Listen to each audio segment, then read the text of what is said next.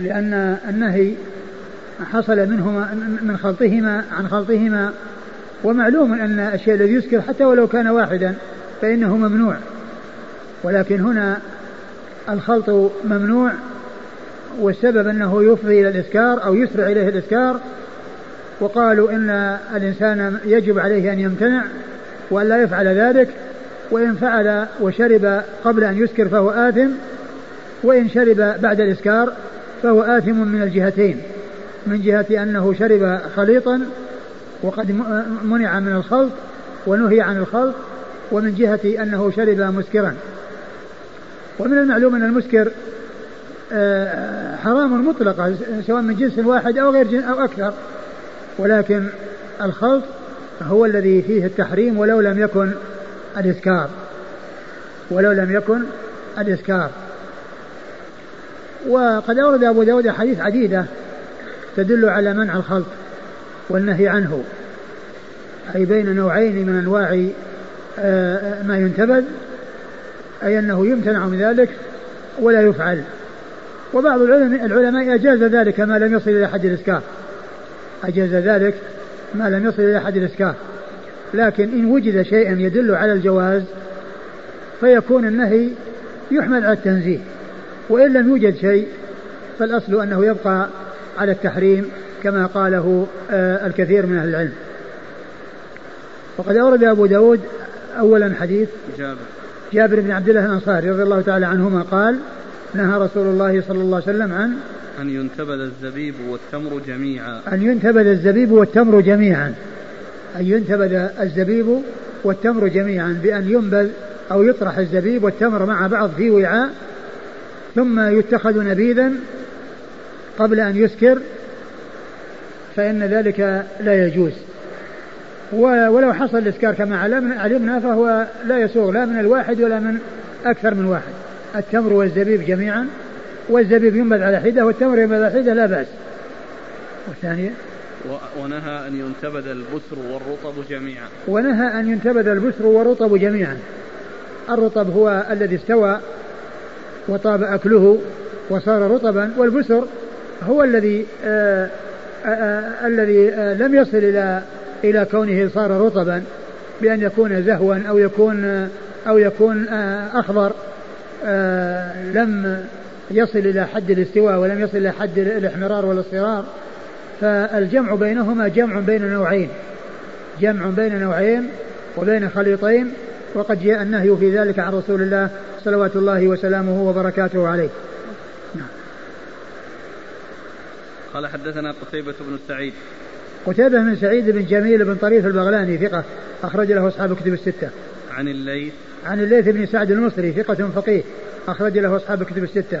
عن عطاء بن أبي رباح. عطاء بن أبي رباح بن أبي رباح المكي ثقة أخرج له أصحاب الكتب الستة. عن جابر عن جابر بن عبد الله الأنصاري رضي الله تعالى عنهما الصحابي الجليل وهو صحابي ابن صحابي وهو أحد السبعة المعروفين بكثرة الحديث عن النبي صلى الله عليه وسلم وهذا الإسناد رباعي وهو من أعلى الأسانيد عند أبي داود رحمه الله. قال حدثنا أبو سلمة موسى بن إسماعيل قال حدثنا أبان قال حدثني يحيى عن عبد الله بن أبي قتادة عن أبيه رضي الله عنه أنه نهى عن خليط الزبيب والتمر وعن خليط البسر والتمر.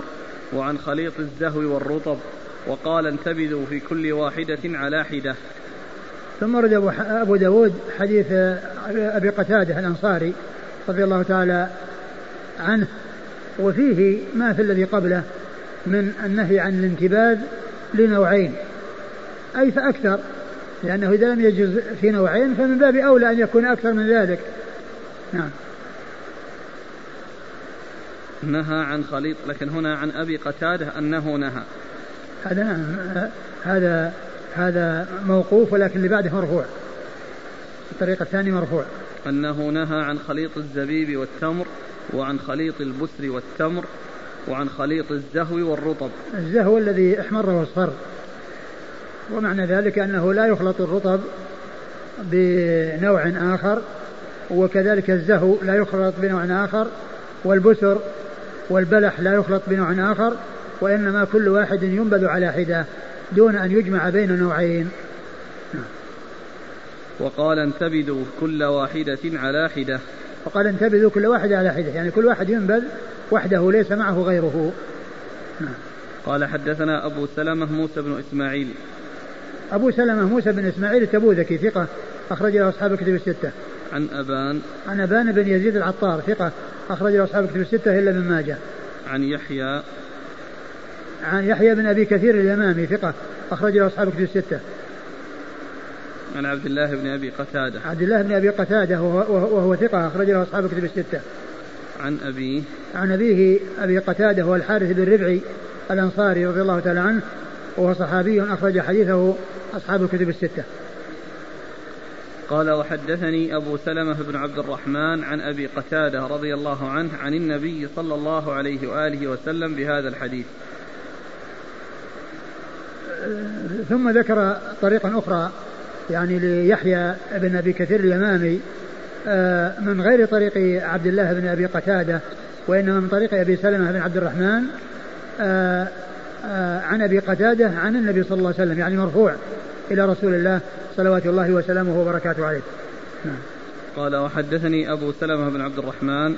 أبو سلمة بن عبد الرحمن بن عوف المدني ثقة أخرج له أصحاب الكتب الستة. عن أبي قتادة. عن أبي قتادة رضي الله عنه وقد مر ذكره.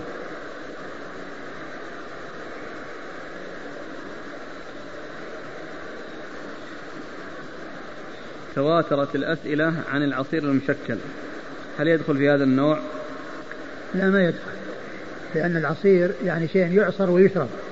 وأما هذا ينتبذ وخلط الاثنين مع بعض يكون سببا لسرعة الإسكار. يكون سببا لسرعة الإسكار. لكن في بعض العصائر مثل هذا السؤال يقول مكون من قطع. قطع من الفواكه كثيرة موز وبرتقال ونحو ذلك تقطع وتنقع في الماء مع السكر. ما دام أنه يعني ما هو منتبذ وليس بنبيذ وإنما يعني عصر ويعني جمع مع بعض وشرب لا بأس به. وهذا آخر يقول في بلادنا يوضع التمر مع الزبيب مع التين في الماء مع السكر لمدة ست ساعات تقريبا ثم يتناوله الصائم خصوصا. هذا هو الذي نهي عنه. أقول هذا هو الذي نهي عنه هذا الخلط الذي نهي عنه. الفرق بينه وبين القبل الذي قبله؟ نعم. الفرق بينه وبين الذي قبله القطع من بعض الفواكه تجمع ثم توضع في ماء ومع سكر. لا بس يعني كونه كونه يعني آآ آه، آآ آه، كونه يعني يعصر من, من عدة أشياء ثم ثم تشرب مع بعض لا بأس بذلك. أما إذا كان أنها يعني قطعا تقطع ثم تنبذ وتكون يعني هذا فتكون من جملة من جنس النبيذ إذا كانها أنواع جمعت و آه، يعني تركت حتى يعني مضى عليها وقت. يعني هذا يؤدي إلى هذا يؤدي إلى أنها تكون نبيذا وقد يصل إلى حد الإسكار. لكن إذا كان أن, أن هذه الأشياء يعني آه، آه، حصل عن طريق العصر وأنه يوجد يعني شيء من القطع أو شيء من آه، بقايا العصر وما إلى ذلك هذا هذا لا يؤثر لأن هذا ما يقال نبيذ هذا عصير. يقول إذا انتبذ كل واحد على حدة ثم خلطهما بعد الانتباذ. آه إذا كان آه، آه، طبعا الاحتياط في أنه يبتعد عن ذلك. لكنه إذا خلطهما معا وشربهما في الحال وهذا ما ما يقال إنه يعني في خليطين من ناحية انه أنه يسرع إليه الإسكار. وإنما هذا إذا ترك مع بعض أسرع إليهما الإسكار. وأما إذا جمع بينهما وصب بعضها على بعض وشربها في الحال هذا ما, ما, ما يؤثر. لأن ما هو ما هذا انتباه هذا. يقول هل العبرة بالخليطين الجنس أم النوع؟ إيش الفرق بين الجنس والنوع في هذا؟ يعني ما دام انه آه، شيئان شيء الجنس هو عام من النوع لأن النوع جزء من جزئيات الجنس. النوع جزء من جزئيات الجنس. فالمقصود أنه لا يجمع بين شيئين وسواء قيل يعني له جنسين أو نوعين النتيجة واحدة والجنس أعم من من النوع. قال حدثنا سليمان بن حرب وحفص بن عمر النمري قال حدثنا شعبة عن الحكم عن ابن أبي ليلى عن رجل قال حفص من أصحاب النبي صلى الله عليه وآله وسلم عن النبي صلى الله عليه وعلى آله وسلم أنه قال نهى عن البلح والتمر والزبيب والتمر. ثم ورد أبو داود حديث رجل من أصحاب النبي صلى الله عليه وسلم أنه قال نهى عن البلح والتمر أن يخلط بينهما وعن الزبيب والتمر أن يخلط بينهما. والمقصود من ذلك كما مر أن يجمع بين نوعين وأن يخلط بينهما وأن ينتبذ نعم. قال حدثنا سليمان بن حرب. سليمان بن حرب ثقة أخرج له أصحاب الكتب الستة. وحفص بن عمر النمري. حفص بن عمر النمري وهو ثقة أخرجه البخاري وأبو داود والنسائي. عن شعبة. عن شعبة بن الحجاج الواسطي ثم البصري ثقة أخرج له أصحاب الكتب الستة. عن الحكم. الحكم بن عتيبة الكندي ثقة أخرج له أصحاب الكتب الستة. عن ابن أبي ليلى. عن ابن أبي ليلى عبد الرحمن بن أبي ليلى وهو ثقة أخرج له أصحاب الكتب الستة. عن رجل من عن رجل من أصحاب النبي صلى الله عليه وسلم. وهذا على رواية آه، سليمان بن حرب قال آه، رجل عن النبي صلى الله عليه وسلم. وأما آه، حفص حفص بن ابن عمر النمري. فقد قال عن رجل من أصحاب النبي صلى الله عليه وسلم. ومعلوم أن جهالة الصحابة لا تؤثر وإنما جهالة غيرهم هي التي تؤثر. فتبين من وصف الرجل في طريق من طريق حفص بن عمر أن ذلك الرجل صحابي. وجهالة الصحابة لا تؤثر لأن المجهول فيهم في حكم المعلوم.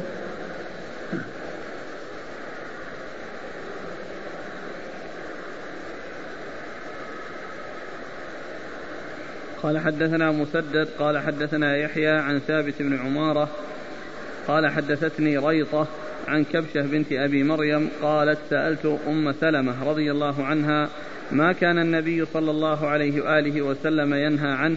قالت كان ينهانا أن نعجم النوى طبخا أو نخلط الزبيب والتمر. ثم أورد أبو داود حديث أم سلمة رضي الله عنها أن النبي صلى الله عليه وسلم نهاهم أن يعجموا النوى طبخا وأن يجمعوا بين التمير التمر والزبيب. الزبيب والتنعم الزبيب والتمر أي يعني يجمع بينهما في الخلط بأن يكونا خليطين. وقوله نهانا أن نعجم النوى يعني طبخا فسر بأن بأنهم يطبخون التمر حتى آه، آه، يؤثر ذلك على النوى بحيث يتغير يعني لونه ويتغير آه، شكله فيكون في ذلك عدم الفائدة الكبيرة من إعطائه للدواب لأنه بذلك يكون لا يبقى عليه أثر التمر وأثر الحلاوة أثر الحلوى. بخلاف ما إذا أكل وأخرج فإنه يبقى عليه شيء من من الحلوى علق به. لكنه إذا طبخ فإنه يتأثر ويتغير لونه فيكون النوى نفسه لا يعني لا يستفيد منه الحيوان كما يستفيد منه فيما إذا لو كان قد أكل ومضغ وأخرج النوى. وقيل أيضا أيضا أنه يفسد التمر أو يؤثر على التمر بأن يؤثر في طعمه فيما إذا طبخ فإنه يؤثر طعما في التمر. نعم. قال حدثنا مسدد مسدد بن مسرهد البصري ثقة أخرج له البخاري وأبو داود والترمذي والنسائي عن عبد الله بن داود عن, عن, عن يحيى عن يحيى وابن سعيد القطان ثقة أخرج له أصحاب كتب الستة. عن ثابت بن عمارة ثابت بن عمارة وهو صدوق فيه لين أخرجه أبو داود والترمذي والنسائي. صدوق فيه لين أخرجه أبو داود والترمذي والنسائي. عن ريطة. عن ريطة ريطة بنت إيش؟ الحارث. بنت حريث وهي وهي لا تعرف. أخرج حديثها أبو داود. عن كبشة بنت أبي مريم. عن كبشة بنت أبي مريم وهي مقبولة. لا يعرف حالها. وهي لا يعرف حالها. أخرج لها أبو داود. نعم. أخرج لها أبو داود. عن أم سلمة. عن أم سلمة أم المؤمنين رضي الله عنها وأرضاها هند بنت أبي أمية وحديثها أخرجه أصحاب كتب الستة. والحديث فيه هاتان المجهولة فيه هاتان المجهولتان فهو غير ثابت. ولكن من ناحية الخليطين أو الجمع بين الزبيب والتمر والنهي عن الجمع بينهما جاء في الأحاديث السابقة.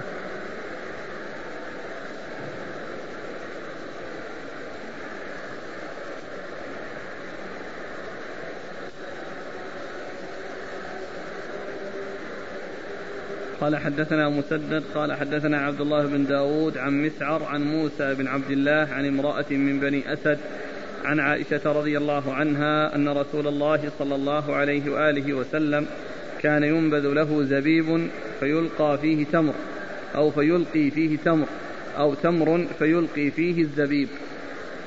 ثم ورد أبو داود حديث عائشة أن النبي صلى الله عليه وسلم كان ينبذ له زبيب فيلقى فيه تمر أو تمر فيلقى فيه الزبيب.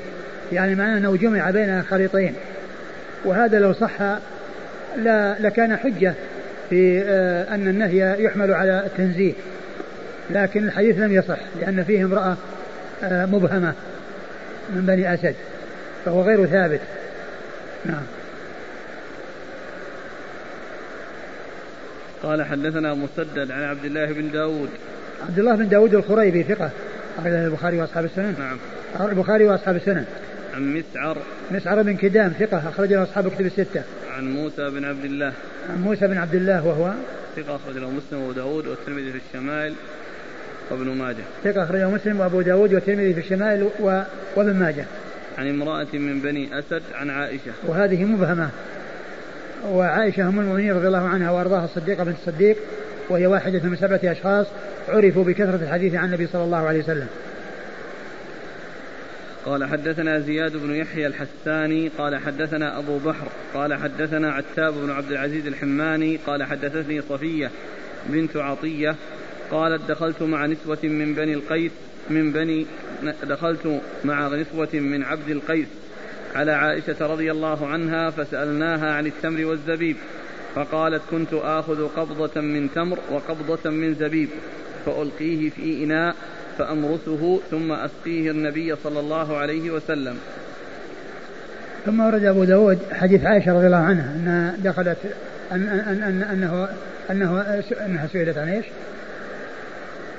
في سؤال؟ نعم تقول صفية بنت عطية دخلت مع نسوة من عبد القيس على عائشة فسألناها عن التمر والزبيب دخلت على يعني على عائشة مع نسوة من بني عبد القيس فسألناها عن التمر والزبيب فقالت كنت آخذ قبضة من إيش؟ من زبيب. من تمر وقبضة من زبيب. قبضة من تمر وقبضة من زبيب فأمرسها. تمرسها يعني معناها أنها تدلكها بأصابعها حتى تطلع أو حتى تطلع الحلاوة التي فيها فتعطيها للنبي صلى الله عليه وسلم. نعم فأمرسه ثم أسقيه النبي صلى الله عليه وسلم. فأمرسه ثم أسقيه النبي صلى الله عليه وسلم. وهذا إذا وهذا إذا كان في الحال أقول إذا كان يعني في الحال أمره سهل ولكن إذا كان انتباه ومكث مدة فإنه كما مر يسرع إليه الإسكار. فإنه يسرع إليه الإسكار والإسناد في رجل في في فيه رجل ضعيف وهو أبو بحر فهو غير ثابت. نعم. قال حدثنا زياد بن يحيى الحساني.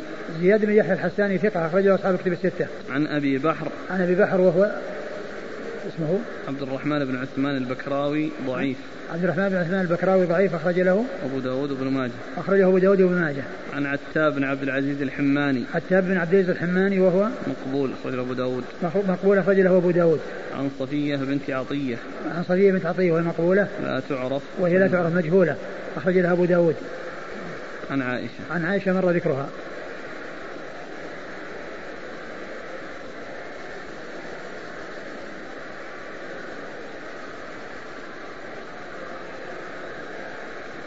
يقول في بلادنا يجعل العصار زبيب وشعير يغلي على النار مع سكر في الليل ويضعه في الثلاجة لليوم الثاني ثم يباع ونشتري منه. هذا هو هو هو الخلط. هذا هو الخلط يعني بين الشيئين وقد جاء النهي عنه.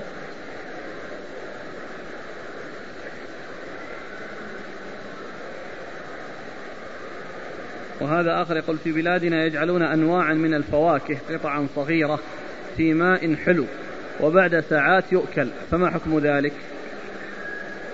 إذا كان أقول إذا إذا كان أنه يترك يعني ساعات وأنها آه، قد يسرع إليه الإسكار فليس خارجا عن عن ما تقدم من الجمع بين الأنواع والخلط بينها في النبذ. يدخل؟ يدخل. لأنه من جنسها ما يخرج عنها. لأنه نبي لأنه نبذ أشياء متعددة. هل يشترط الانتباد في الماء؟ فمثلا هذا يقول ما حكم الانتباد في الحليب؟ وجمع خليطين في حليب أو غيره بحيث لا. يكون ماء. إلا حتى حتى لو كان حليب. لأن النتيجة واحدة. لو لم يكن ماء يمكن أن يصل إلى الإسكار مع الحليب.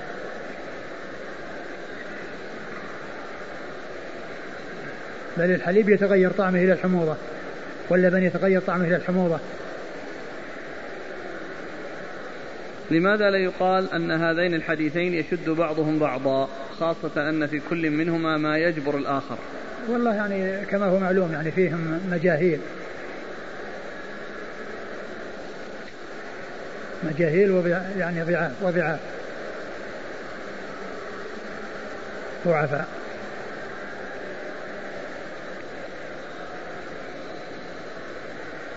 قال رحمه الله تعالى باب في نبيذ البسر قال حدثنا محمد بن بشار قال حدثنا معاذ بن هشام قال حدثني أبي عن قتادة عن جابر بن زيد وعكرمة أنهما كانا يكرهان البسر وحده ويأخذان ذلك عن ابن عباس.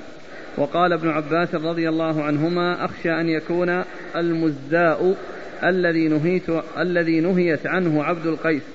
فقلت لقتادة ما المزاء قال النبيذ في الحنتم والمزفت. ثم ورد أبو داود باب في, في نبيذ البسر. في نبيذ البسر.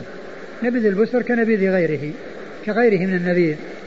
آه كونه ينبذ ويعني يصل إلى حد الإسكار لا يجوز وإذا شرب قبل أن يسكر فإنه سائغ. ما دام نوعا واحدا ليس معه غيره فإن ذلك سائغ. وما جاء في هذا الإسناد من كراهيته وكونه جاء من عباس وقال أحسبه المزة وفسر المزة بأنه بأنه نبيذ الجر ونبيذ الحنتم وإيش؟ والدباء النبيذ في الحنتم والمزفت النبيذ في الحنتم والمزفت هذا سبق أن مر بنا أن هذا كان منهيا عنه في أول الأمر والانتباذ في الأوعية الغليظة أنه كان ممنوعا ثم رخص فيه بشرط ألا يشرب الناس مسكرا. فأولا ابن عباس رضي الله عنه ما جزم ثم قال أنه آه الذي كان يأتي عن عبد القيس المزفت والحنتم ومعلوم أن الذي نهيت عنه أبيح أخيرا أبيح أخيرا وعلى هذا فالبسر كغيره لا فرق بينه وبين غيره. إذا انتبذ ولم يصل إلى حد الإسكار فإنه يدخل تحت قوله انتبذوا في كل وعاء ولا تشربوا مسكرا. نعم. قال حدثنا محمد بن بشار.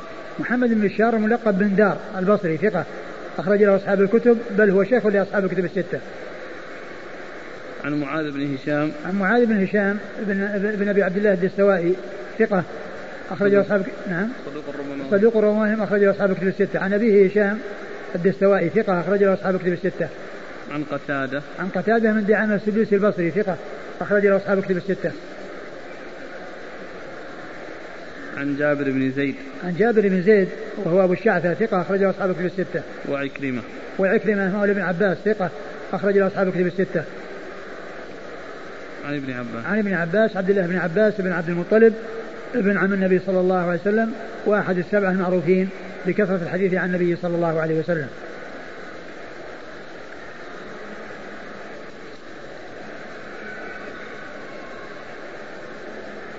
يعني يكون هذا رأي لابن عباس. نعم. بعدين قال أحسبه. يعني حتى ما هو ما هو جازم. ثم أيضا مع الجزم يعني النبذ بالحنتم والمقير أو المزفت هذا كان موجودا في أول الامر ونسخ كما مر في الدرس الماضي في آه، آه، الطرق المتعددة عن ابن عباس وابن عمر وغيرهما. ثم جاء حديث بريده بن الحصيب الذي فيه النسخ والمنسوخ وفيه قوله كنت نهيتكم عن الانتباذ في أوعية فانتبذوا في أي وعاء ولا تشربوا مسكرا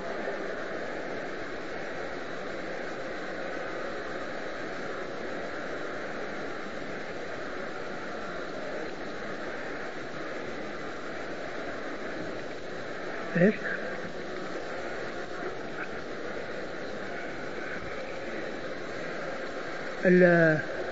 الأحاديث جاءت مطلقة في النهي عن الجمع بينهما. فتبقى على على ما هي عليه إلا إن وجد شيء آه، يحملها أو ينقلها من التحريم إلى التنزيه. من من من من, من التحريم إلى من كراهة التحريم إلى كراهة التنزيه. أو النهي آه، آه، المحرم إلى النهي تنزيها. هو إن وجد شيء فله وجه. أن يقال أن كل شيء آه، يستعمل ما لم يصل إلى حد الإسكار ولهذا يعني العلماء يعني من الفقهاء أو كثير من الفقهاء وكذلك المحدثون قالوا إنه يمنع منه ولو لم يسكر ويكون منهيا عنه وإن حصل الإسكار صار منهيا عنه من الجهتين ويأثم لو شربه وهو لم يسكر لأنه داخل تحت ما نهي أو ما نهي عنه. لكن أنا أقول إن هذه الأحاديث الصحيحة إن وجد من النصوص شيء يدل على الجواز فهو يكون له وجه في آه، نقله من تحريم إلى التنزيه.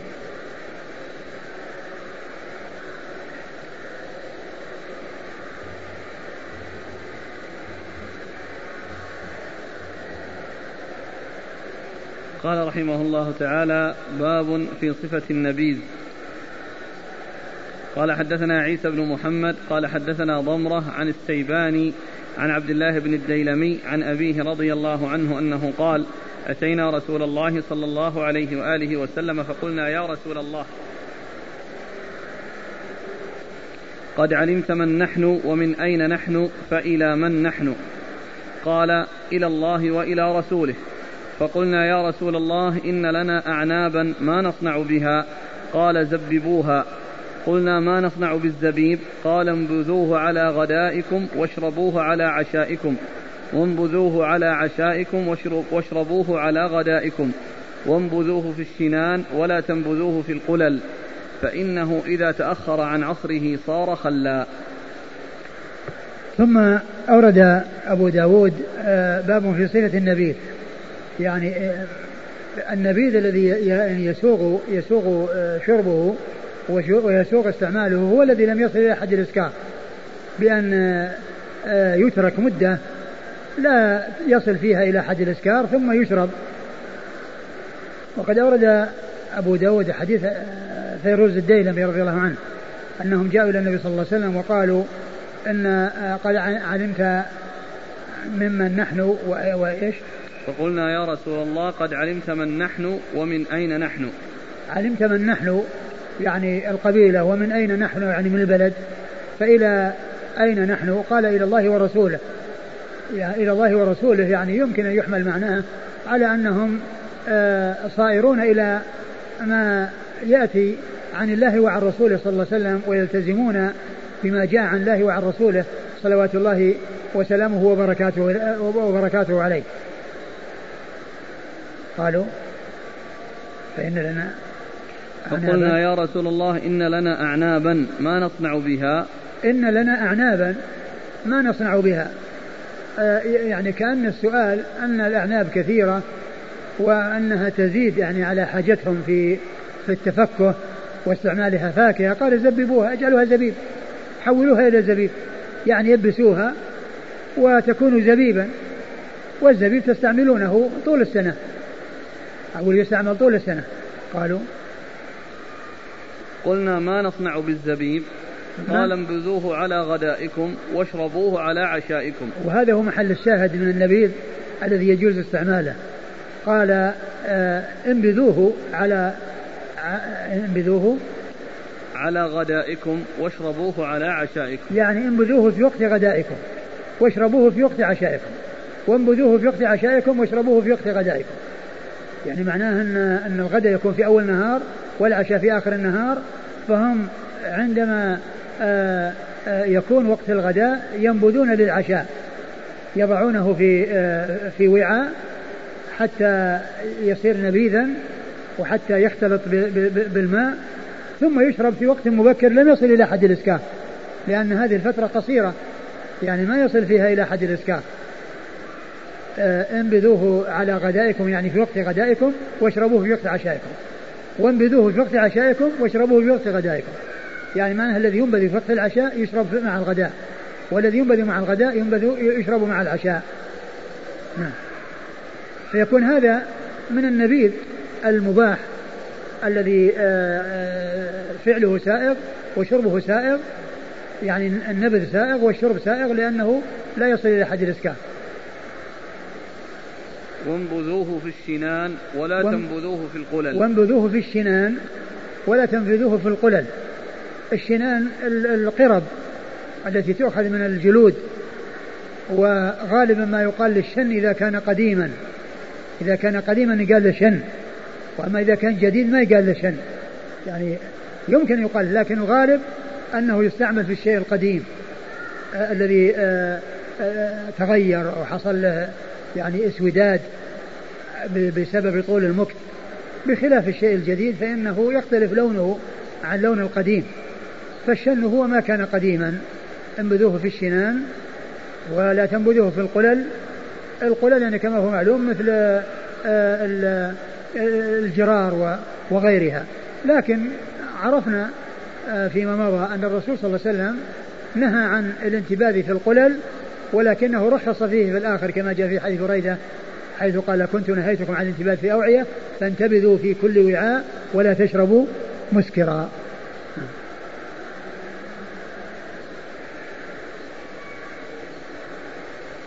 فإنه إذا تأخر عن عصره صار خلا. فإنه إذا تأخر عن عصره صار خلا يعني إذا طال مكثه يعني يتغير.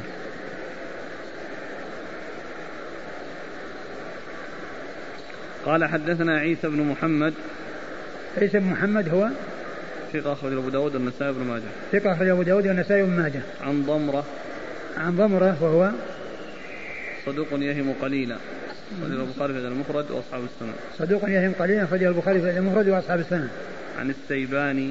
عن السيباني وهو يحيى بن أبي عمرو ثقة اخرج البخاري في المفرد. يحيى بن يحيى بن أبي عمرو السيباني ثقة اخرج له البخاري في المفرد. وأصحاب السنن. وأصحاب السنن. عن عبد الله بن الديلمي. عن عبد الله بن الديلمي عبد الله بن فيروز الديلمي وهو ثقة اخرج أبو داود والنسائي بن ماجه. ثقة اخرج أبو داود والنسائي بن ماجه. عن أبيه فيروز الديلمي رضي الله عنه هو صحابي أخرج له أصحاب السنن. أخرجه أصحاب السنن.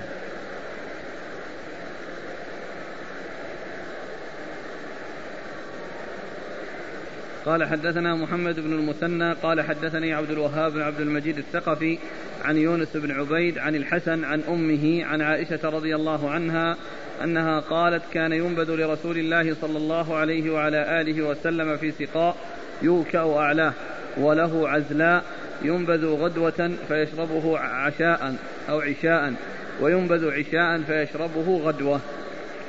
ثم أورد أبو داود حديث عائشة. عائشة أم المؤمنين رضي الله عنها وهو مثل الذي قبله أنه كان ينبذ آه، يعني عشاء فيشرب غدوة وينبذ غدوة فيشرب عشاء يعني معناه في الصباح يعني آه، عند الغداء ينبذ وفي المساء وفي العشية عند العشاء يشرب ثم ينبذ عند العشاء ويشرب عند الغداء كما مر في الحديث آه، الحديث السابق. فهو مثله. لكن هذه الفترة ليست تحديد. لا ما هي تحديد بمعنى أنه لا يجوز الزيادة عليها؟ بمعنى أنه لا يجوز الزيادة عليها؟ هذه آه هذا حصل أن النبي صلى كان يستعمل ذلك لكن سيأتي في بعض الأحاديث أنه يعني يستعمل أكثر من هذا يستعمل أكثر من هذه المدة. قال حدثنا آه، هنا تقول كان ينبذ الرسول صلى الله عليه وسلم في سقاء يوكا أعلاه وله عزلاء وله عزلة قيل العزلة هو الفتحة التي تكون في أسفله آه، آه، ليشرب منها.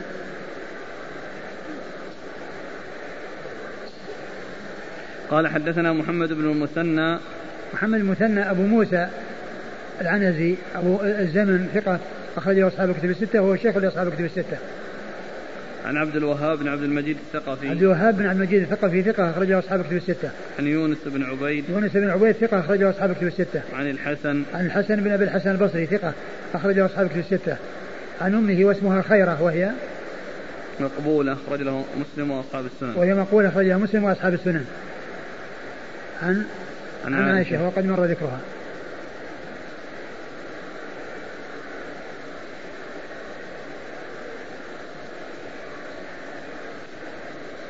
قال حدثنا مسدد قال حدثنا المعتمر قال سمعت شبيب بن عبد الملك يحدث عن مقاتل بن حيان قال حدثتني عمتي عمرة عن عائشة رضي الله عنها أنها كانت تنبذ للنبي صلى الله عليه وآله وسلم غدوة فإذا كان من العشي فتعشى شرب على عشائه وإن فضل شيء صببته أو, فر أو فرغته ثم تنبذ له صببته صببته.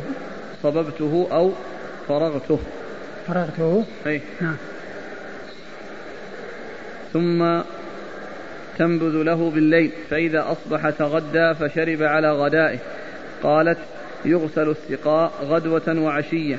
فقال لها أبي مرتين في يوم قالت نعم. ثم ورد أبو داود حديث عائشة وهو مثل الذي قبله. إيش قال لفظه؟ أنها كانت تنبذ للنبي صلى الله عليه وسلم غدوة. فإذا كان من العشي فتعشى شرب على عشائه. هذا هو الذي الذي نبذ غدوة في وقت الغداء يشربه في وقت العشاء مع عشائه. وإذا وإذا نبذ وإن فضل شيء صببته أو فرغته. وإن فضل شيء صببته يعني أنه لا يبقى في في الإناء تصبه أو فرغته يعني يمكنها تطعمه وإلا فإنه لا يتلف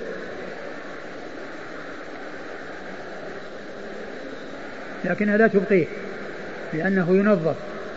يعني بعد ما يحصل في الأول يشرب ينظف. ولهذا ذكر أنه يغسل مرتين. فالذي فيه لا يبقى بحيث يضم إليه شيء آخر. وإنما يصب ويفرغ حتى يكون خاليا ويغسل. الذي هو السقاء. الذي نبذ فيه. ثم ينبذ فيه مرة ثانية. نعم.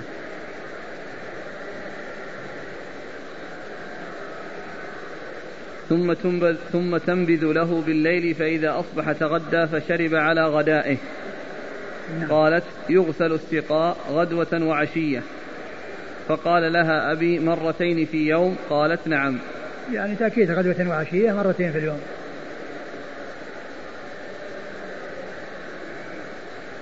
قال حدثنا مسدد عن المعتمر. المعتمر بن سليمان بن طرخان التيمي ثقة أخرج له أصحاب كتب الستة. عن شبيب بن عبد الملك. شبيب بن عبد الملك هو؟ صدوق أخرجه أبو داود والنسائي. صدوق أخرجه أبو داود والنسائي. عن مقاتل بن حيان. عن مقاتل بن حيان وهو صدوق أخرج له؟ مسلم وأصحاب السنة. مسلم وأصحاب السنة. عن عمته عمرة. عن عمته عمرة وهي؟ لا يعرف حالها أخرج وهي لا يعرف حالها أخرج؟ أبو داود. أخرجها أبو داود. عن عائشة. عن عائشة وقد مر ذكرها. وهذا مثل الذي قبله. يعني لأنه في الصباح وفي المساء. نبذ انتباذ في الصباح وشرب في المساء أو انتباذ في المساء وشرب في الصباح.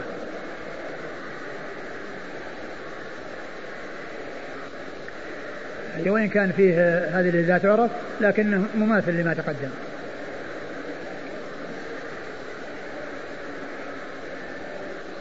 يقول من الذي قال فقال لها أبي؟ إيش ال إيش ال إيش الإسناد؟ عن مقاتل بن حيان قال حدثتني عمتي عمرة عن عائشة.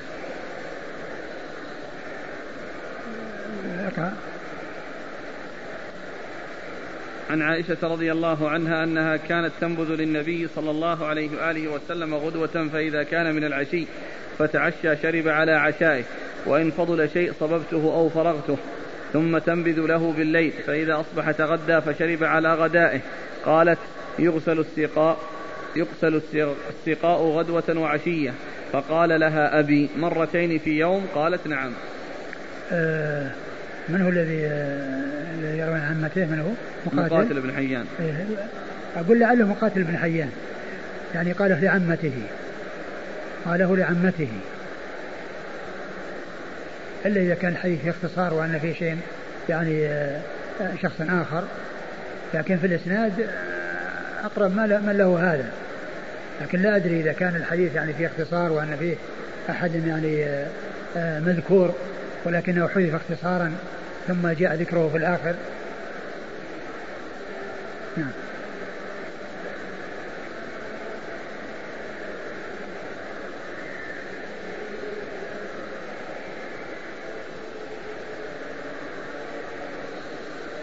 في عون المعبود ذكر شيء؟ لا هذه نشوفها الآن. طبعة عوام.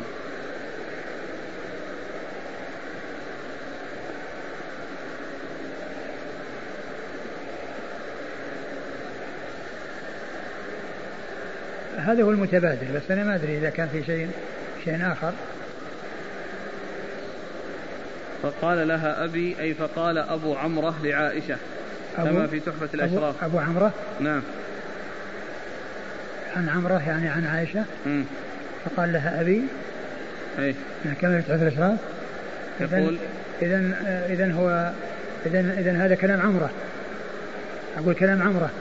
يعني قال قال آه أبو عمرة لعائشة. قال قال لها أبي. أي فقال أبو عمرة لعائشة كما نعم. في تحفة الأشراف نعم. وتهذيب الكمال نعم هذا في طبعة عوامة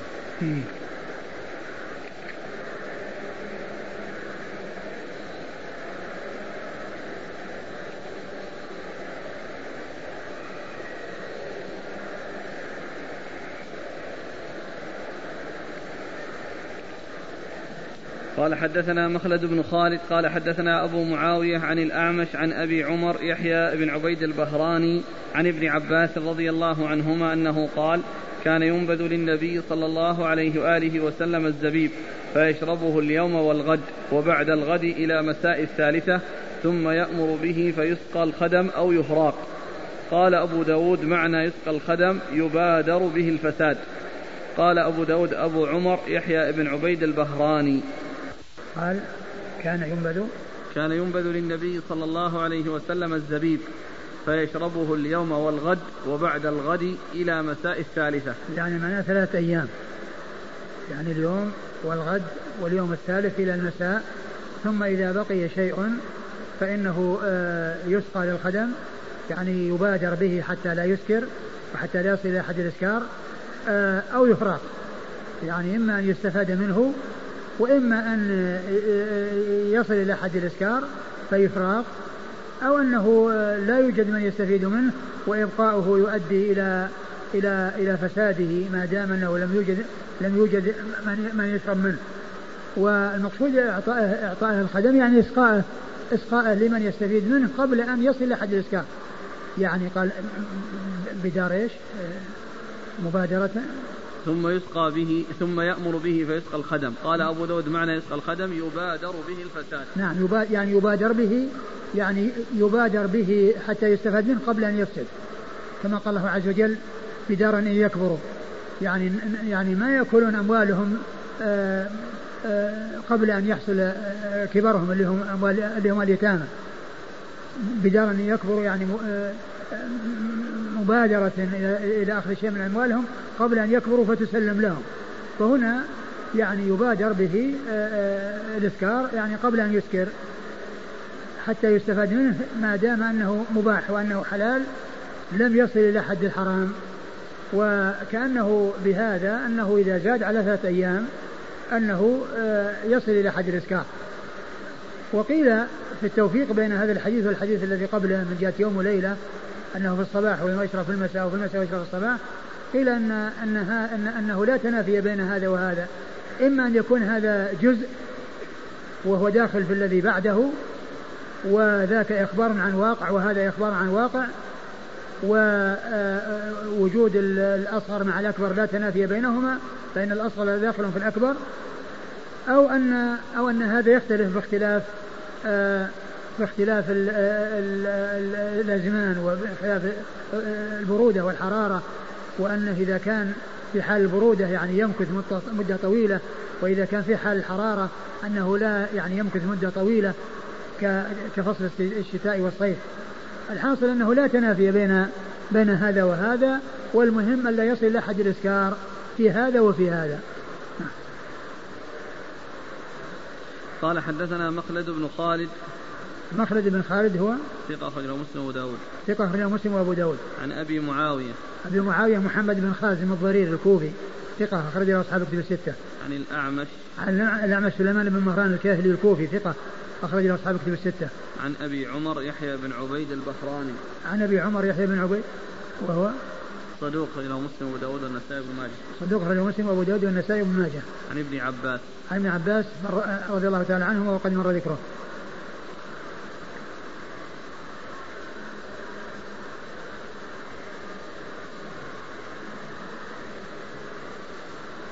قال رحمه الله تعالى باب في شراب العسل والله تعالى أعلم وصلى الله وسلم وبارك على عبده ورسوله نبينا محمد وعلى آله وأصحابه أجمعين. جزاكم الله خيرا وبارك الله فيكم ونفعنا الله ما قلتم. سائل إذا وصل إلى حد الإسكار أيجوز أن يسقى البهائم؟ لا يراق يراق ويتلف. يقول هل يستفاد من قول أبي داود يبادر به الفساد أنه يجوز إلقاء فضلات الطعام؟ آه كونه يعطى لمن يستفيد منه ولا يلقى لا شك أن هذا هو الذي ينبغي. والمقصود به يبادر به يعني معناه أنه يعطى لمن يستحقه قبل أن يصل حد الفساد. لأن الفساد ما وجد. يعطى لمن يستفيد منه مبادرة قبل أن يحصل له الفساد. وليس معنى ذلك أنه بعد ما يحصل الفساد يبادر به وإنما يبادر به قبل أن يفسد. فما دام أنه يستفاد منه لا يلقى وإنما يعطى لمن يستفيد منه ولكن الذي يلقى ويتلف هو الذي لا يصلح أن يشرب ولا يصلح أن يستعمل وهو الذي وصل إلى حد الإسكار يباع في الأسواق علب فواكه مشكلة. نعم.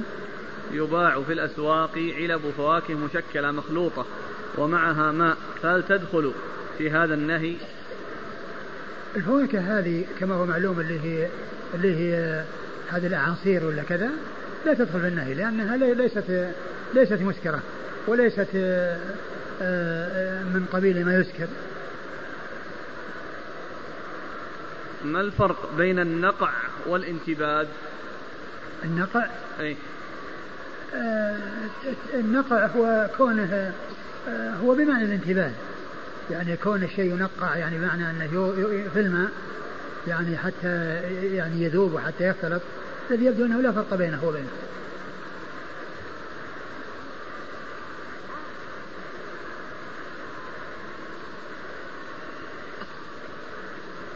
يقول وضع عدة أعشاب توضع في ماء دافئ.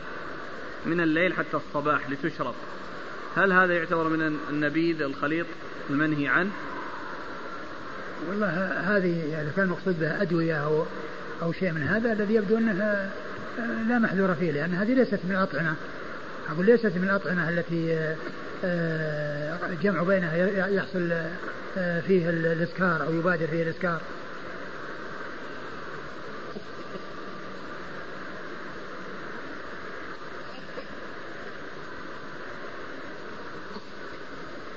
جاءت الأسئلة عن حكم السوبيا الموجودة الآن. والله ما أعرف إيش السوبيا أنا. أقول لا أدري ما السوبيا والحكم على الشيء عن تصوره. هل تسكر ولا ما تسكر هل هي مسكرة أو غير مسكرة؟ إن كانت مسكرة فهي حرام. وإن كانت لا تسكر فهي حلال. هذا شرحها. اللهم إلا أن يكون فيها يعني آه، خلط. فالخلط يعني وإن لم يسكر عرفنا حكمه يقول السوبيا شعير مع هيل مع أيوة. خبز مع سكر يترك ليوم كامل ثم يصفى ويجعل منه عصير وش وش هو؟ شعير ها. مع هيل وخبز وسكر يترك ليوم كامل ثم يصفى ويجعل منه العصير علما أنه لو مكث في الحرارة يؤدي إلى السكر على كلام كثير من الناس. والله هو هو مسألة الخلط كما عرفنا وإن لم يسكر الأحاديث التي وردت دالة على المنع منه. وكون الهيل الهيل أمره سهل يعني ما وإنما الكلام على قضية آه، الخبز. الخبز الذي يكون معه.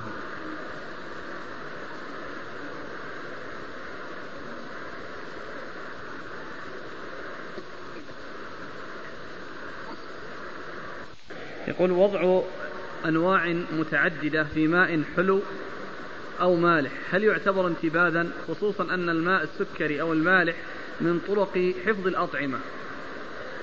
لا وإذا كان أنها أنواع متعددة مثل التمر والعنب والتمر والزبيب فهذا هو نفس هذا هو نفس الخليطين.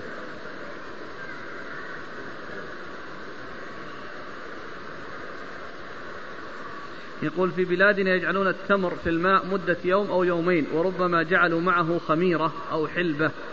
فما الحكم؟ خميرة؟ أو حلبة. حلبة؟ خميرة أو حلبة. حلبة؟ إيه, إيه. بس أقول الحلبة يعني كما هو معلوم ليست يعني نوع من أنواع الأطعمة. أقول ليست من الأطعمة. فيعني كونه يعني يصير مثل الدواء أو كذا يعني لا أدري لكن الحلبة ليست من أقول ليست من الأطعمة. الانتباد هذا سواء كان في ماء مالح أو ماء حلو. والله يبدو أنه ما في فرق. فيشكل عليه جاءت الأسئلة عن الطرشي فإن قطع من الخضار تنقع في ماء مالح أو في خل.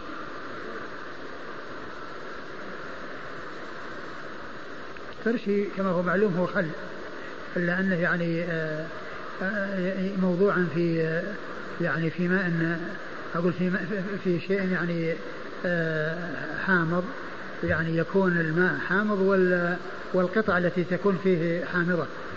لكن هل يعني يترك مدة وتجمع عدة أشياء في في وقت واحد بحيث تمكث مدة؟ إذا كان أنها عدة أشياء فهي داخلة في الخليط.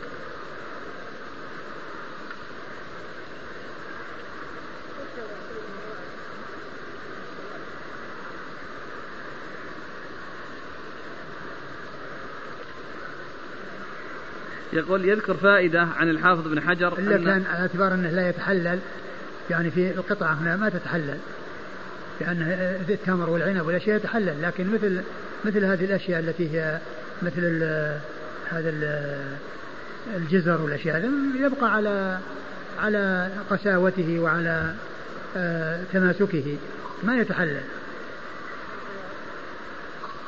والخيار مثله إلا انه اخف منه يعني اخف منه يعني قساوة. هو في الغالب أنه يوضع يعني في خل فيدخله الحموضة تدخل الحموضة في هذه الأشياء. يعني الحموضة ما جاءته من من جهة المكت وإنما جاءته كونه جعل في خل يعني خل آه، وضع فيه هذه الأشياء فصار آه، فصار فيه طعم طعم الخل.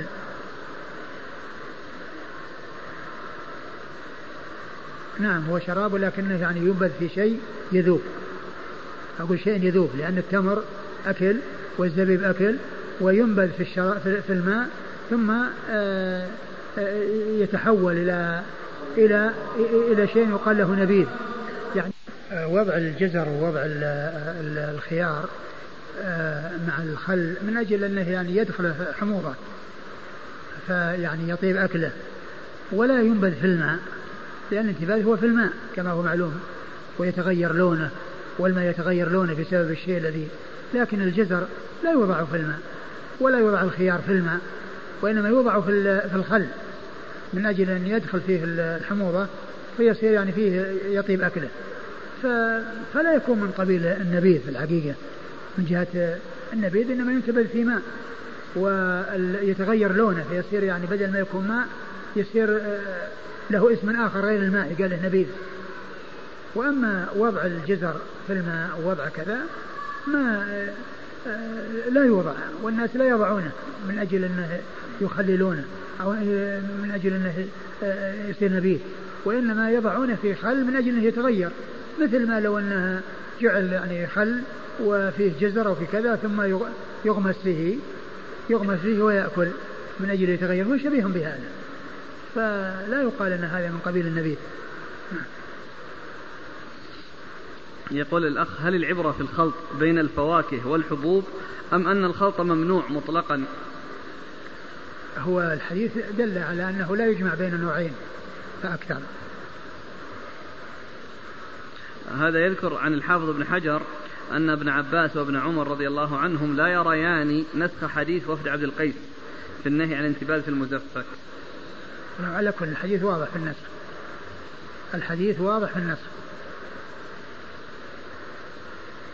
في حديث فيروز عون المعبود أظن ذكر صاحب عون المعبود هذا الكلام هذا. عن ابن عباس بن عمر. والله عن بعض العلماء ما أدري منه لكنه لكن الصحيح هو هو ما دل عليه الحديث من النسخ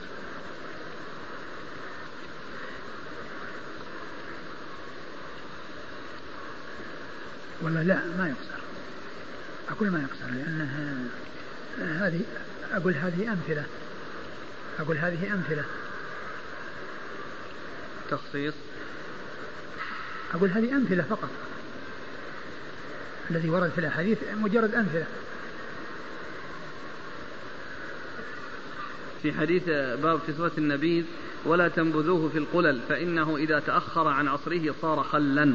هل يفهم منه تحريم الخل؟ لا.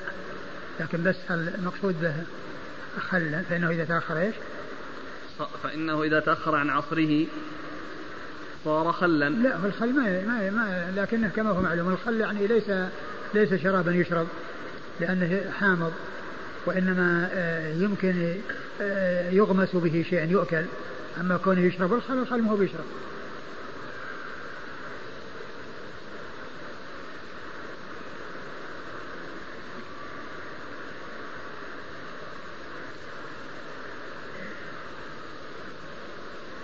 يقول الرجاء إعادة حكم وضع قطع مختلفة من الفواكه في الماء المحلى بالسكر ثم شربه وأكله. فهل هو ممنوع مطلقا أم إذا أسكر وإذا صنع وشرب مباشرة؟ فهل يمنع كذلك؟ أقول هو إذا إذا فعل في الحال إذا إذا فعل في الحال ما في بأس. وإنما كونه يوضع وينتبذ لأن الانتباذ يعني معناه أنه يتحلل ويظهر يعني آه، يتغير لون الماء. وأما إذا فعل في الحال مثل كونه يأكل هذا على حدة وإذا يأكل على أقول يعني آه، آه، كونه يأكل قطعة من هذا ثم قطعة من هذه مستقلة هذا من جنسه. كونه جمعهما في يعني آه، في إناء واحد يصب بعضهما إلى بعض صب بعضهما إلى بعض ما في بس هذه الفواكه المشكلة تجي معلبة وربما تكون صالحة لمدة سنة. وما تتحلل. يعني لو فتحت العلبة تلقى يعني قطع من الأناناس من التفاح من الموز موجودة. يعني مع هذا محلل. هذا كأنه يعني كأنه يعني بعد العصر فيه فيه فيه يعني شيء من الفتات أو من الأشياء التي آه التي هي بقايا أقول بقايا العصر. إلا عصر. لا لا هي قطع قطع. هي قطع يعني مع العصر. يعني قطعة صغيرة. أقول قطعة صغيرة يكون يكون, يكون العصر يعني خفيف. يعني ما يكون كلها فيها قطعا صغيرة.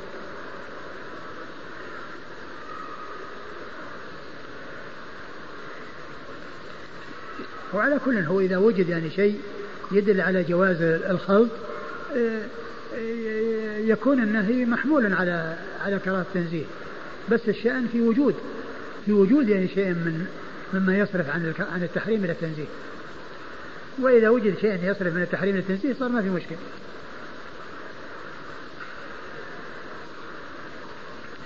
يقول هل صحيح أن الأسانيد التي جاءت في السيرة والمغازي لا تعامل معاملة الأسانيد التي جاءت في أحاديث الأحكام؟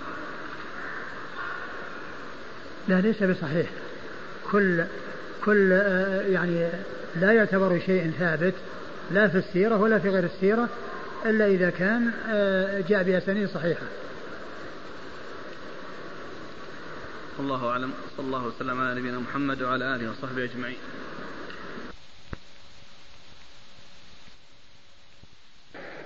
بسم الله الرحمن الرحيم. الحمد لله رب العالمين والصلاة والسلام على عبد الله ورسوله نبينا محمد وعلى آله وصحبه أجمعين. أما بعد قال الإمام أبو داود السجستاني رحمه الله تعالى باب في شراب العسل. قال حدثنا أحمد بن محمد بن حنبل. قال حدثنا حجاج بن محمد. قال قال ابن جريج عن عطاء أنه سمع عبيد بن عمير. قال سمعت عائشة رضي الله عنها زوج النبي صلى الله عليه وعلى آله وسلم تخبر أن النبي صلى الله عليه وآله وسلم كان يمكث عند زينب بنت جحش رضي الله عنها فيشرب عندها عسلا. فتواصي فتواصيت أنا وحفصة رضي الله عنهما أيتنا ما دخل عليها النبي صلى الله عليه وآله وسلم فلتقل إني أجد منك ريح مغافير. فدخل على إحداهن فقالت له ذلك. فقال بل شربت عسلا عند زينب بنت جحش ولن أعود إليه ولن أعود له. فنزلت لم تحرم ما أحل الله لك تبتغي إلى إن تتوبا إلى الله. لعائشة وحفصة رضي الله عنهما. وإذ أسر النبي إلى بعض أزواجه حديثا لقوله صلى الله عليه وآله وسلم بل شربت عسلا. بسم الله الرحمن الرحيم. الحمد لله رب العالمين وصلى الله وسلم وبارك على عبده ورسوله نبينا محمد وعلى آله وأصحابه أجمعين. أما بعد فيقول الإمام أبو داود السجستاني رحمه الله تعالى باب في شراب العسل. المقصود من هذه الترجمة هو آه هو شرب العسل وهو من من من من, من, من أنفع الأشياء وأحلاها. والنبي صلى الله عليه وسلم كان يحب الحلوى والعسل فكان آه فقد أورد أبو داود رحمه الله حديث عائشة رضي الله عنها أن النبي صلى الله عليه وسلم كان يمكث عند أم سلمة عند أم سلمة يمكث عند زينب. عند زينب. عند زينب بنت جحش رضي الله عنها. وكانت تسقيه عسلا. فتواصت عائشة مع حفصة رضي الله تعالى عنهما أن أنه إذا جاء عند واحدة منهما تقول كل واحدة له إن, إن, إن أنها إن أنها تجد إيش؟ إني أجد منك ريح مغافير. إني أجد منك ريح مغافير. إني أجد منك ريح مغافير. فلما جاء عند عائشة قالت ذلك وقال بل شربت عسلا ولن أعود إلى ذلك أي إلى شرب هذا العسل الذي كان عند زينب رضي الله تعالى عنها.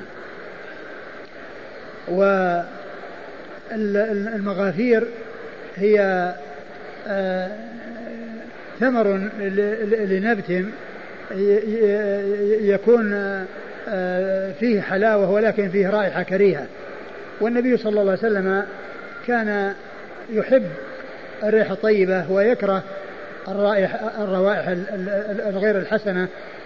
فلما قالت له ذلك آه، خشي أن يكون هذا الشيء الذي يشرب فيه فيه ريح غير طيبة وكان يحب الريح الطيبة ويكره الروائح غير الطيبة فقال إنه إنما شرب مغافير ولن يعود إلى ذلك.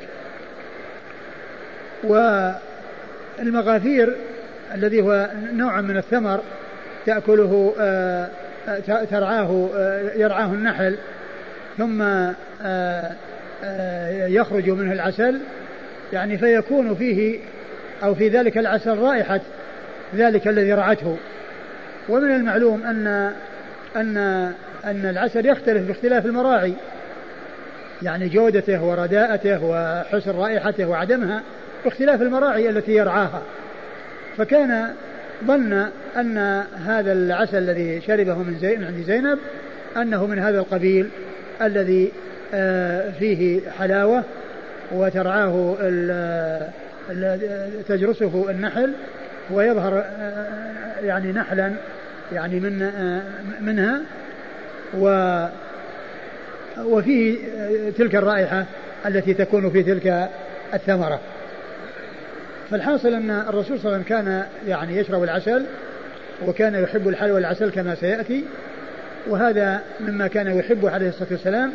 وكانت إحدى أم المؤمنين تسقيه شيئا من العسل وأمهات المؤمنين آه، عائشة وحفصة غرنا مما قد حصل من آه، أم سلمة فتواصينا على ما تواصينا عليه وقال النبي صلى الله عليه وسلم ما قال وقال إنه لن يعود وأنزل الله عز وجل يا أيها النبي لم تحرم ما أحل الله لك تبتغي مرضات أزواجك؟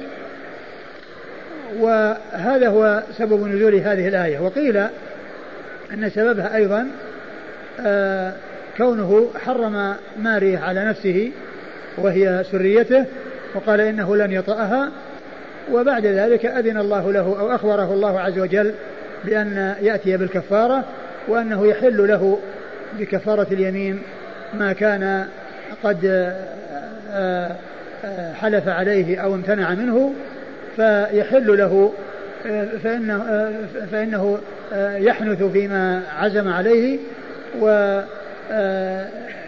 له ذلك الشيء الذي عزم على الامتناع منه. فقد جاء في ما ذكره أبو داود هذا الحديث عن عائشة في بيان سبب نزول هذه الآية وجاء أيضا سبب النزول فيما يتعلق بمارية القبطية أم ولده إبراهيم. أعد الكلام متن؟ عن عائشة رضي الله عنها أن النبي صلى الله عليه وآله وسلم كان يمكث عند زينب بنت جحش فيشرب عندها عسلا. فتواصيت أنا وحفصة أيتنا ما دخل عليها النبي صلى الله عليه وسلم فلتقل إني أجد منك ريح مغافير. نعم المغافير هي هذا النبت أو الثمر يعني بعض الشجر الذي فيه حلاوة ولكن له رائحة غير طيبة. ومعنى ذلك أن النحل قد رعى من هذه الثمر أو أكل هذا الثمر فكان ذلك آه، في عسله الذي خرج منه فيه رائحة تلك الثمرة. فدخل على إحداهن فقالت له ذلك فقال بل شربت عسلا عند زينب بنت جحش ولن أعود له. نعم وهذا هو التحريم أو الامتناع. الذي حصل منه في قوله لن أعود له. والسبب في ذلك ما خشي أن يكون فيه رائحة يعني كريهة من ذلك الثمر الذي رعته آه، رعاه النحل. هنا قوله ولن أعود له. يعني لشرب هذا العسل. لكن هذا اللفظ فقط أو أنه يعني ورد بصيغة التحريم أو والله القسم أو شيء من ذلك؟ لا هو ورد. يعني في شيء من هذا ورد. نعم أنه, أنه أقسم أنه لن يعود. فنزلت لم تحرم ما أحل الله لك تبتغي إلى إن تتوبا إلى الله. نعم. ففيه يعني العتاب. نعم عتاب لعائشة وحفصة. إن تتوبا إلى الله فقد صغت قلوبهما وإن تظاهر عليه فإن الله هو مولاه وجبريل وصالح المؤمنين والملائكة بعد ذلك ظهير. لعائشة وحفصة. رضي الله عنهما. هنا عائشة وحفصة. نعم هما هما إن تتوبا الضمير الضمير المثنى لهما إن تتوبا إلى الله فقد صغت قلوبكما يعني المراد بعائشة وحفصة. اللتان تواصتا على أن يقول هذا الكلام. لكن فيه أنه سودة كذلك. في الحديث الثاني يعني في الحديث الثاني فيحتمل أن يكون يعني فيه خطأ أو أن تكون المسألة قصة ثانية إما هذا وإما هذا. وإذ أسر النبي إلى بعض أزواجه حديثا لقوله صلى الله عليه وسلم بل شربت عسلا. نعم هذا هو الحديث الذي أسره. الإصرار هنا بمعنى ضد الجهر يعني أو المراد؟ يعني كلام بينه وبينها كلام بينه وبينها يعني خاص. بينه وبينها ولكنه بعد ذلك فشى نعم. قال حدثنا أحمد بن محمد بن حنبل أحمد بن محمد بن حنبل الشيباني الإمام المحدث الفقيه أحد أصحاب المذاهب الأربعة المشهورة مذاهب السنة وحديث أخرج أصحاب كتب الستة عن حجاج بن محمد عن حجاج بن محمد آه الأعور المصيصي ثقة أخرجه أصحاب كتب الستة. عن ابن جريج. ابن جريج عبد الملك بن عبد العزيز بن جريج المكي ثقة أخرج له أصحاب كتب الستة. عن عطاء. عن عطاء بن أبي رباح المكي ثقة أخرج له أصحاب كتب الستة. عن عن عبيد بن عمير. عن عبيد بن عمير وهو ثقة أخرج له أصحاب كتب الستة. عن عائشة. عن عائشة أم المؤمنين رضي الله تعالى عنها وأرضاها صديقة من الصديق وهي واحدة من سبعة أشخاص عرفوا بكثرة الحديث عن النبي صلى الله عليه وسلم. يقول هل قوله صلى الله عليه وسلم ولن أعود له للعسل مطلقا أو للعسل الذي عند زينب. لا للعسل الذي عند زينب. الذي يبدو أنه العسل عند زينب. ما هو بالعسل مطلقا؟ وهذا يقول ما هو معنى التحريم هنا؟ إذ أنه لا يجوز تحريم ما أحل الله. الامتناع. يعني كونه قال لن أفعل كذا يعني معناه أنه يمنع نفسه منه ويحرم نفسه منه.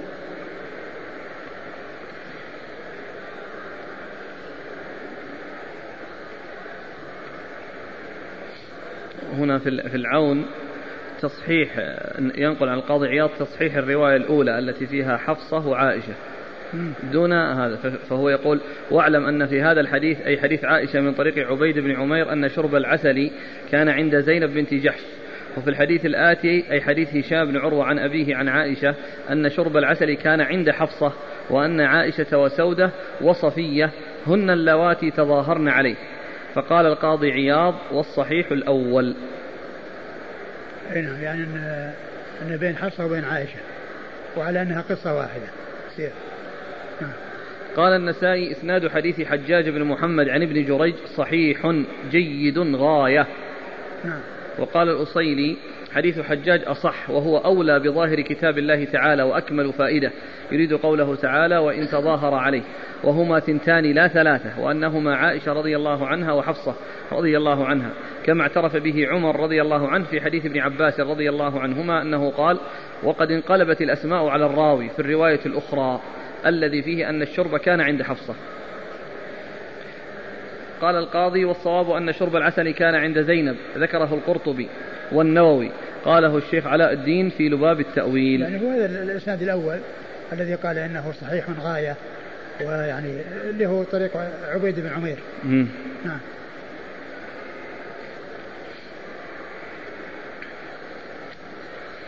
قال حدثنا الحسن بن علي قال حدثنا أبو أسامة عن هشام عن أبيه عن عائشة رضي الله عنها أنها قالت كان رسول الله صلى الله عليه وآله وسلم يحب الحلواء والعسل فذكر بعض هذا الخبر. وكان النبي صلى الله عليه وآله وسلم يشتد عليه أن توجد منه الريح. وفي هذا الحديث قالت سودة رضي الله عنها بل أكلت مغافير. قال بل شربت عسلا سقتني حفصة. فقلت جرست نحله العرفط نبت من نبت النحل. قال أبو داود المغافير مقلة وهي صمغة. وجرست رعت والعرفط نبت من نبت النحل. ثم ورد أبو داود حديث عائشة رضي الله عنها من طريق أخرى وفيه أن أن الذي آه، سقت في اللبن إنما هي حفصة وأن يعني آه، وأنها ليست هي من آه، ممن عني بقوله إن تتوب إليه فقد صغت قلوبكما لأنها هي الساقية. ولكن على الرواية الأولى الساقية هي زينب بنت جحش. فإذا كانت القصة واحدة فالراجح والمحفوظ هو الطريق الأولى التي آه، عن عبيد بن عمير عن عن عائشة. وإن كانت القصة متعددة فمحتمل.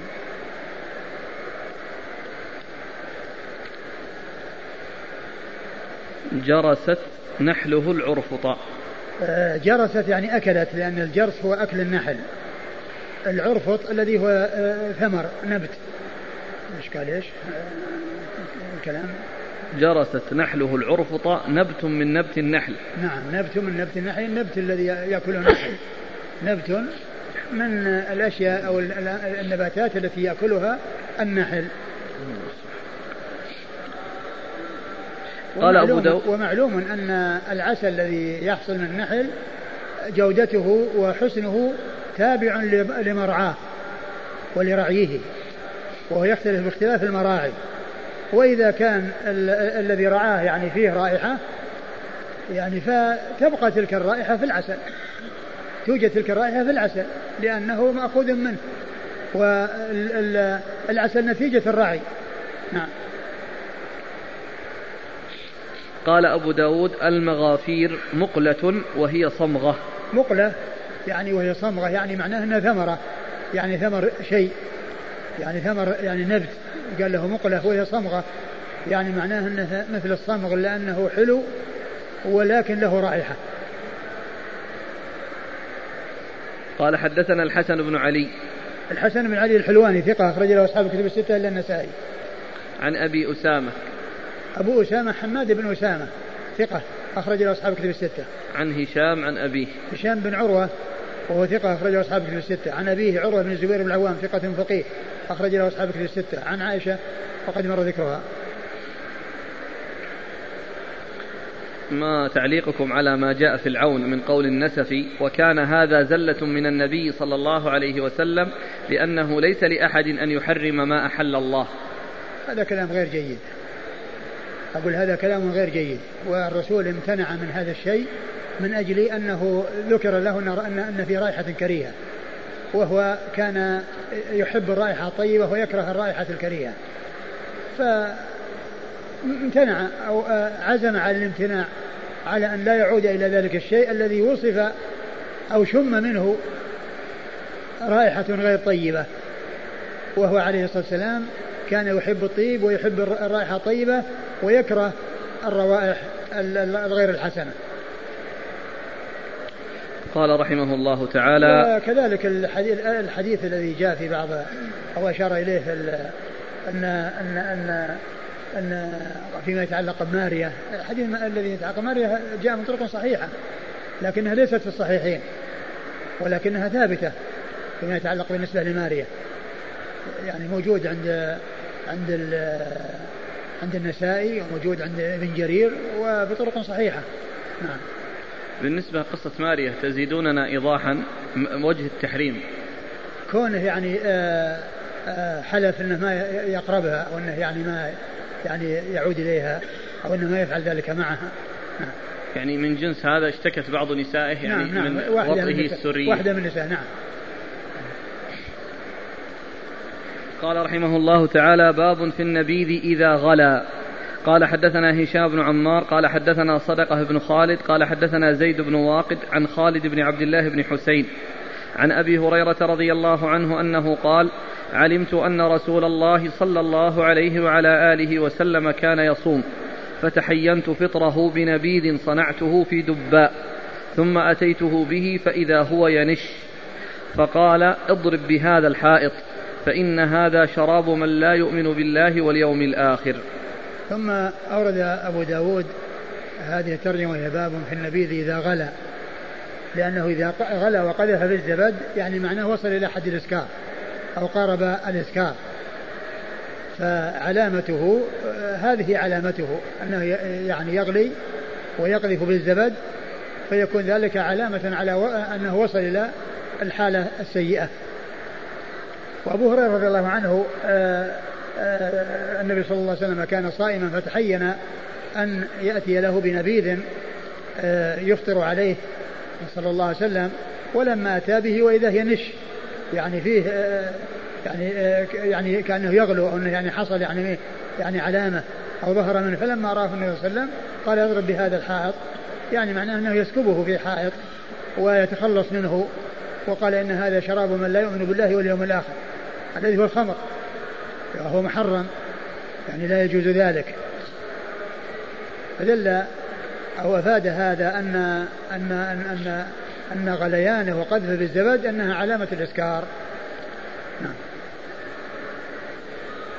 قال علمت أن رسول الله صلى الله عليه وسلم كان يصوم فتحينت فتحينت فطره بنبيذ صنعته في دباء. الدبة هو نفس الذي سبق أن مر في حديث وفي القيس لنهى عن الدبة والحنتم والمقير والمزفت المقير والنقير. وعرفنا فيما مضى أن أنه جاء تحريم الانتباه في هذه الأوعية في أول الأمر ثم بعد ذلك نسخ في حديث بريدة بن الحصيب في قوله عليه الصلاة والسلام كنت نهيتكم عن الانتباه في أوعية فانتبذوا في كل وعاء ولا تشربوا مسكرا. فهذا الدبة من الأشياء الغليظة التي يعني قد يحصل التغير من الداخل ولا يظهر على آه، الغلاف من الخارج أو على يعني خارجه. يعني يكون التغير في الداخل ولكن ما يظهر على الخارج بخلاف السقاء فإنه إذا وجد التغير في الداخل ظهر على الخارج وتبين على سطحه من الخارج آه، تغيره. نعم. ثم أتيته به فإذا هو ينش. يعني فأتيته به فإذا هو نش. يعني معناه أنه وصل إلى تبين عند عندما وصل إليه أنه ينش يعني معناه أن في علامة الإسكار. فقال اضرب به يعني هذا الحائط وهو شراب من لا يؤمن بالله واليوم الآخر يعني اللي هو الخمر وذكر من لا يؤمن بالله واليوم الآخر آه، يأتي كثيرا ذكر الإيمان بالله واليوم الآخر في القرآن والحديث. وذلك أن الإيمان بالله عز وجل هو أصل الأصول لأن أصول الإيمان ستة الإيمان بالله وملائكته وكتبه ورسله واليوم الآخر والقدر خيره وشره. ويأتي في كثير من الأحاديث الجمع بين الإيمان بالله واليوم الآخر لأن الإيمان بالله هو أصل الأصول وكل إيمان بغيره فهو تابع للإيمان به ومن لم يؤمن به لا يؤمن بالملائكة ولا بالكتب ولا بالرسل فهو مثل شهادة لا إله إلا الله وأن محمد رسول الله بالنسبة لأركان الإسلام. فالإيمان بالله هو أصل لأصول الإيمان الأخرى الباقية التي هي الملائكة وكتب ورسل واليوم الآخر والقدر خيره وشره. كما أن الشهادتان أصل للأصول الخمسة أصول الإسلام أو أركان الإسلام الخمسة هو أصل لها. فكل عمل لم يكن مبنيا على الشهادتين فإنه لا عبرة به وكل إيمان لا يكون مبنيا على الإيمان بالله فإنه لا عبرة به. فيأتي الإيمان بالله واليوم الآخر لأن الإيمان بالله هو الأصل والإيمان باليوم الآخر يؤتى به لأن فيه التنبيه إلى يوم الحساب. التنبيه على يوم الحساب وأن الإنسان يستعد ويتهيأ لذلك اليوم فإذا كان المقام مقام ترغيب فهو حث على ذلك العمل. وإن كان المقام مقام ترهيب فهو تحذير من ذلك العمل. وهنا مقام ترهيب لأن قال أن شراب من لا يؤمن بالله ولا آخر وتحذير وترهيب من هذا من هذا ال النبيذ الذي وصل إلى حد الغليان. ومثل ذلك فيما يتعلق بالتحذير والترهيب لا يحل لامرأة تؤمن بالله واليوم الآخر أن تسافر إلا مع ذي محرم لأن هذا في باب الترهيب من السفر بدون محرم.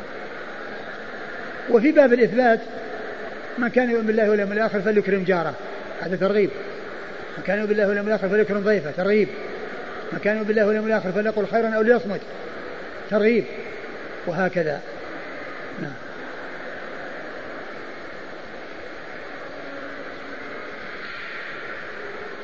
قال حدثنا هشام بن عمار. هشام بن عمار صديق أخرجه البخاري وأصحاب السنن عن صدقة بن خالد. صدقة بن خالد هو ثقة أخرج البخاري وأبو داود والنسائي بن ماجه. ثقة أخرج البخاري وأبو داود والنسائي بن ماجه. عن زيد بن واقد. عن زيد بن واقد هو ثقة أخرج البخاري وأبو داود والنسائي بن ماجه. ثقة أخرج البخاري وأبو داود والنسائي بن ماجه. عن خالد بن عبد الله بن حسين. عن خالد بن عبد الله بن حسين. مقبول أخرجه أبو داود والنسائي بن ماجه. مقبول أخرجه أبو داود والنسائي بن ماجه. عن أبي هريرة. عن أبي هريرة عبد الرحمن بن صخر الدوسي رضي الله عنه صاحب رسول الله صلى الله عليه وسلم وهو أكثر الصحابة حديثا على الإطلاق رضي الله عنه وأرضاه. هذان سؤالان عن قوله هذا شراب من لا يؤمن بالله. هل هذا يدل على الكفر؟ لا ما يدل على الكفر. يعني من لا يؤمن بالله الإيمان الكامل أو الإيمان الواجب ما هو معنى نفي لأصل الإيمان؟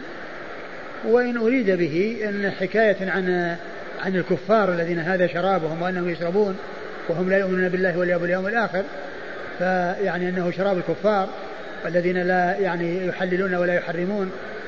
ولكن آه، المسلم إذا شربه لا يقال أنه كافر وإنما يقال أنه عاصي مرتكب كبيرة من أعظم الكبائر. فإن أريد به أن هذا شراب الكفار فهو على على بابه وهم وهم كفار غير مؤمنين.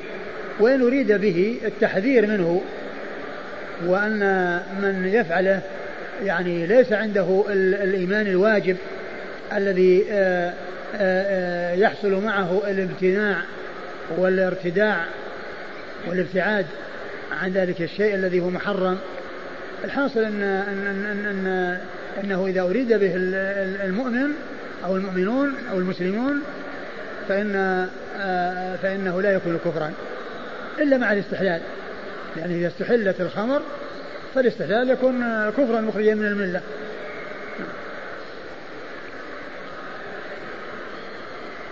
قال رحمه الله تعالى باب في الشرب قائما. قبل ما ننتقل الحديث هذا صحيح؟ الحديث فيه مقبول ولكن من ناحية تحريم تحريم النبيذ الذي وصل إلى حد الإسكار هذا في حديث كثيرة. يعني كل مسكن حرام. لكن الحال قصة أبي هريرة تحينت فطره بنبيذ صنعته. الرسول أبو هريرة رضي الله عنه ما أتى ما أراد أنه يأتي به بشيء ولكنه الواقع أنه لما وصل به وإذا فيه هذا الوصف. وهو ما أتى به على أساس أنه أتى بشيء مسكر ولكنه أتى به على أساس أنه سليم ثم تبين أنه غير سليم لوجود هذه العلامة. قال رحمه الله تعالى باب في الشرب قائما. قال حدثنا مسلم بن إبراهيم قال حدثنا هشام عن قتادة عن أنس رضي الله عنه أن رسول الله صلى الله عليه وآله وسلم نهى أن يشرب الرجل قائما. ثم أورد أبو, أبو داود رحمه الله بهذا الترجم باب في الشرب قائما. نعم. باب في الشرب قائما. آه أي في حكمه وهل هو سائغ أو غير سائغ؟ المعروف من عادته صلى الله عليه وسلم أنه كان يشرب وهو جالس. يشرب وهو جالس. وشربه وهو قائم هذا يعني آه هذا من, من القليل أو مما حصل منه بقلة. صلوات الله وسلامه وبركاته عليه. وقد جاء النهي عن الشرب قائما. وجاء أنه شرب قائما في بعض الأحوال.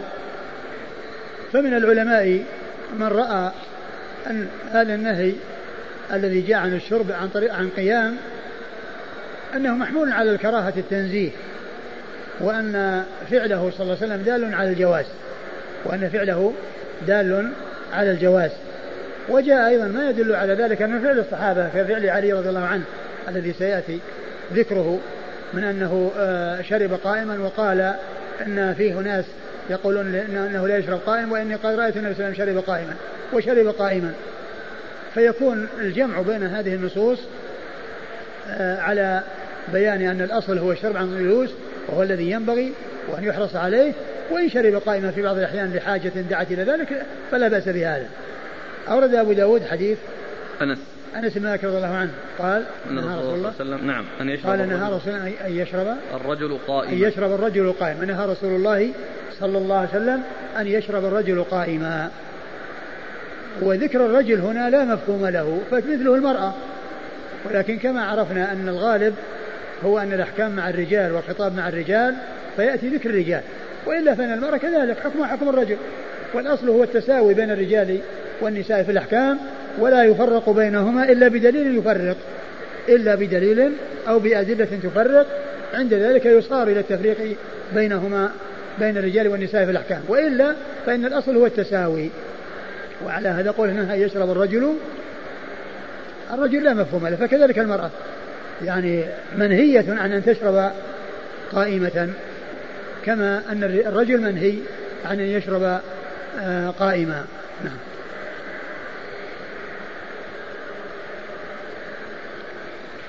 قال حدثنا مسلم بن إبراهيم. مسلم بن إبراهيم الفراهيدي ثقة أخرج له أصحاب الكتب الستة. عن هشام. عن هشام هشام الدستوائي ثقة. أخرج له أصحاب الكتب الستة. عن قتادة. عن قتادة من دعامة السدوسي البصري ثقة. أخرج له أصحاب الكتب الستة. عن أنس. عن أنس رضي الله عنه صاحب رسول الله عليه الصلاة والسلام وخادمه وأحد السبعة المعروفين بكثرة الحديث عن النبي صلى الله عليه وسلم وهذا الإسناد رباعي من أعلى الأسانيد عند أبي داود. قال حدثنا مسدد قال حدثنا يحيى عن مسعر بن كدام عن عبد الملك بن ميسرة عن النزال بن سبرة أن عليا رضي الله عنه دعا بماء فشربه وهو قائم ثم قال إن رجالا يكره أحدهم أن يفعل هذا وقد رأيت رسول الله صلى الله عليه وآله وسلم يفعل مثل ما رأيتموني أفعله. وهذا حديث علي رضي الله عنه أنه شرب قائما وقال إن أناسا يكرهون.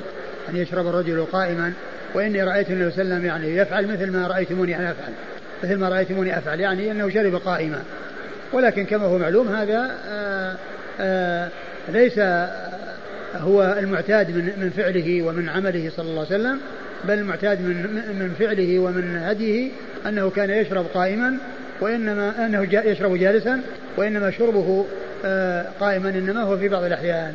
فيكون الشرب قائما جالسا هو الأصل وهو الذي ينبغي أن يكون عليه الإنسان وإن شرب قائما في بعض الأحيان لحاجة دعت إلى ذلك لا بأس بذلك. قال حدثني قال حدثنا مسدد. مسدد بن مسرهد البصري ثقة أخرج حديث البخاري وأبو داود والترمذي والنسائي. عن يحيى. يحيى بن سعيد القطان البصري ثقة أخرج له أصحاب الكتب الستة. عن مسعر بن كدام. مسعر بن كدام ثقة. أخرج له أصحاب الكتب الستة. عن عبد الملك بن ميسرة. عن الملك بن ميسرة ثقة. أخرج له أصحاب الكتب الستة. عن النزال بن سبرة. عن النزال بن سبرة وهو ثقة أخرج البخاري وأبو داود والترمذي في الشمائل والنسائي بن ماجه. ثقة أخرجه البخاري وأبو داود والترمذي في الشمائل والنسائي وابن ماجه. عن علي رضي الله عنه. عن علي بن أبي طالب رضي الله عنه أمير المؤمنين ورابع الخلفاء الراشدين الهادين المهديين صاحب المناقب الجمة والفضائل الكثيرة. رضي الله عنه وأرضاه. هل يقاس الأكل قائما على الشرب قائما؟ إذا كان هناك حاجة يعني تدعو إليه لا بأس بذلك. إذا شرب طالب العلم قائما فهل هذا يعتبر من خوارم المروءة؟ لا ما يعتبر من خوارم المروءة لكن الأولى به أن يفعل ما هو الأفضل وما هو الأولى. وإذا كان أنه يعني حصل أمر يقتضيه يعني لا بأس بذلك.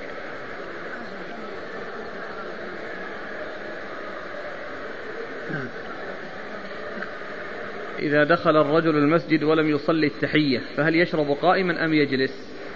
يصلي التحية ثم يشرب. ما رأيكم بهذه القاعدة؟ النهي في باب الآداب يحمل على التنزيه وليس هو بالتحريم. ليس هذا على إطلاقه. أقول هذا ليس على إطلاقه. لا يقال أن هذا في كل شيء. كيف يحمل النهي على التنزيه مع ما ورد في صحيح مسلم من شرب قائما فليستقي؟ كما هو معلوم هذا آه الذي فعله الرسول من من الشرب قائما دل على على الجواز. ويعني آه هذا الذي جاء في صحيح مسلم وفي غيره كذلك حيث قال زجر يعني آه يدل على آه تأكيد آه كون الإنسان آه أن عليه أن يشرب وهو عن طريق عن جلوس لكن إذا حصل أن شرب قائما لأمر يقتضى ذلك فقد جاء عن النبي صلى الله عليه وسلم ما يدل عليه وجاء عن علي رضي الله عنه اقتداء برسول الله صلى الله عليه وسلم ما يدل عليه. هل حكمة النهي معلومة؟ من العلماء من قال أنه إذا كان عن جلوس أنه يكون أنه أفضل وأنه فيه فيما يتعلق بالصحة وفيما يتعلق بالمراءة وفيما يتعلق أنه يعني أنه يكون فيه ميزات على كونه يكون وهو قائم.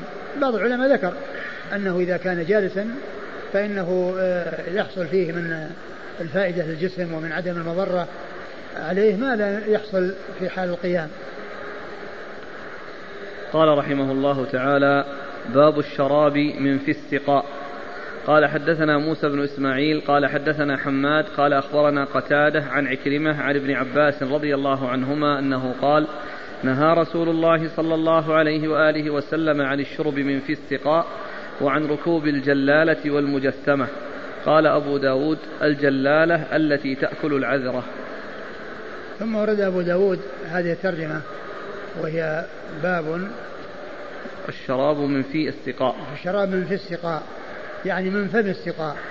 الشراب من فم السقاء. أن يكون الشراب يشرب الإنسان من فمه